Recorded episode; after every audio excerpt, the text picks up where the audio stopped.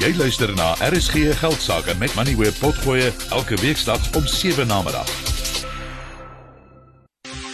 RSG Geldsaake met Money Web elke weeksaand tussen 6 en 7. Soos meeste ander dinge raak dit duurder en duurder om jou kind skool toe, tegnikon toe of universiteit toe te stuur of sommer enigiets te leer.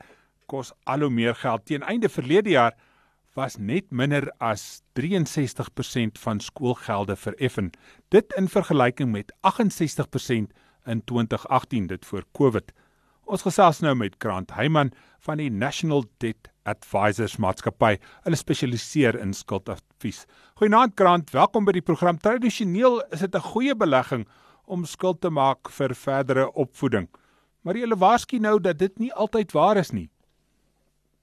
Ag, goeienaand Tinus. Ja, dit is 100% die die waarheid daai. As 'n mens gaan kyk na 2023, het baie ouers 'n harde finansiële slag toegedien, aangesien beheerliggame by Suid-Afrikaanse skole fooi verhogings tussen 4 en 6% vir 2023 geraam het. Nou, sommige skole bied afslag aan as die volle jaarlikste koste van skoolgeld vooraf betaal word. Aangesien die gedagte van afslag baie aanloklik is, sal ouers waarskynlik hierdie geld moet leen wat weer kan lei tot sy eie finansiële nagevolge. Onderwysverwante skuld word oor die algemeen as 'n goeie belegging beskou omdat onderwys tot 'n hoër betalende werke en natuurlik beter lewensstandaarde lei. Tog dienes as dit egter nie reg bestuur word nie, kan dit in 'n las ontaard aangesien dit met rente terugbetaal word. So wat nou gemaak? Hoe gee julle raad? Wag 'n mens maar voordat jy verdere studies aanpak? Spaar jy tot jy dit kan be bekostig? Hoe gaan 'n mens te werk? Wel, eerstens kan jy 'n eh, bekostigbare skool kies. Doen behoorlike navorsing en vergelyk die koste van verskillende skole om een te vind wat by jou begroting pas.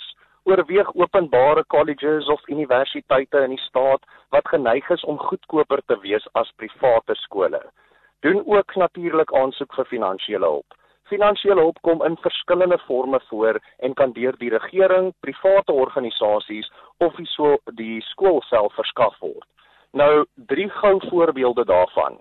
Party skole het hulle eie finansiële hulpstelsels in plek. Daar is baie private organisasies wat beurte aanbied om gesinne te help betaal vir laerskoolonderrig en dan natuurlik hier by National Debt Advisors is ons of geregtig om paaiemente te gaan verlaag van die verbruiker se skuld rentekoerse af te bring en soos jy kan dink het dit natuurlik 'n positiewe impak en meer toegang tot geld. Dan ook verdien 'n passiewe inkomste wat min mense aan dink. Gegeewe die huidige ekonomiese klimaat, kan dit 'n goeie idee wees om meer as een inkomste te hê. Byvoorbeeld, om in dividendbetalende aandele te belê eiendom te verhuur soos wat baie mense reeds doen en dan natuurlik om jou eie motor as 'n Uber in jou vrye tyd te gebruik. Wees net veilig. Ehm um, oorweeg alternatiewe onderwysopsies, oorweeg dit om aanlyn kursusse te neem of jou kinders tuis te onderrig. Tersiêre studente kan ook oorweeg om in gemeenskapskolleges vir die eerste 2 jaar by te woon voordat hulle na 'n 4 jaar instelling oorgeplaas word.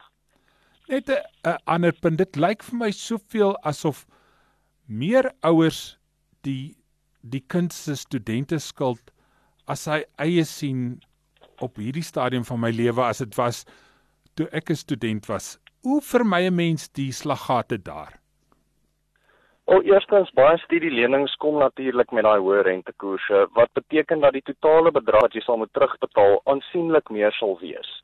So op die einde van die dag soos voorheen bespreek of nou net bespreek, ehm um, kan jy kyk natuurlik na ander vorms van onderwys. Jy kan natuurlik kyk om selfs dit van die huis af te doen, jou aanlyn kursusse. Dit was maar die grootste porsie van wat jy as 'n verbruiker of as 'n pa, 'n ma kan doen om 'n verskil te maak in jou finansies wat tot jou kind se voordeel sal wees. Grant net die kwaliteit van die produk. Hoe belangrik is dit? Jy het gepraat van 'n mens moet bietjie navorsing doen oor goedkoper skole. Is dit nog so dat die hoeveelheid geld wat jy daar insit 'n definitiewe raakpunt of verband kan wys tussen die kwaliteit van die onderrig wat jou kind ontvang of nie? Wel, ek moet sê goedkoop koop is nie aldag duur koop soos wat die mense sal sê nie.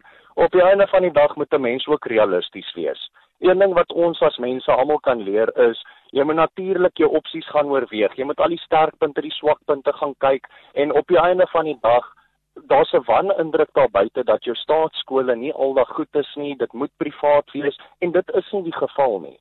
Hoe meer 'n mens navorsing doen, hoe meer 'n mens inligting werf deur te gaan soek, gaan praat met die die uh, skole, met die hoofde van die skole, gaan kyk meer na wat die kommentaar is van die publiek op die skole en dan kan 'n mens mos natuurlik 'n meer ingeligte besluit maak en ook natuurlik tevrede wees met daai besluit dat dit jou nie gaan kom uh, vang in die nabye toekoms nie en jy jou kind moontlik in 'n verkeerde plek ingestuur het.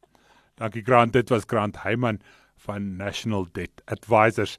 Hy het gesels oor opvoedingsskuld wat al hoe meer en meer raak. Jy het geluister na RSG Geldsaake met Money where potgoe elke weeksdag om 7 na middag. Vir meer Money where potgoe, besoek moneyweb.co.za of laai die toepassing af en volg Moneyweb News om dagliks op hoogte te bly.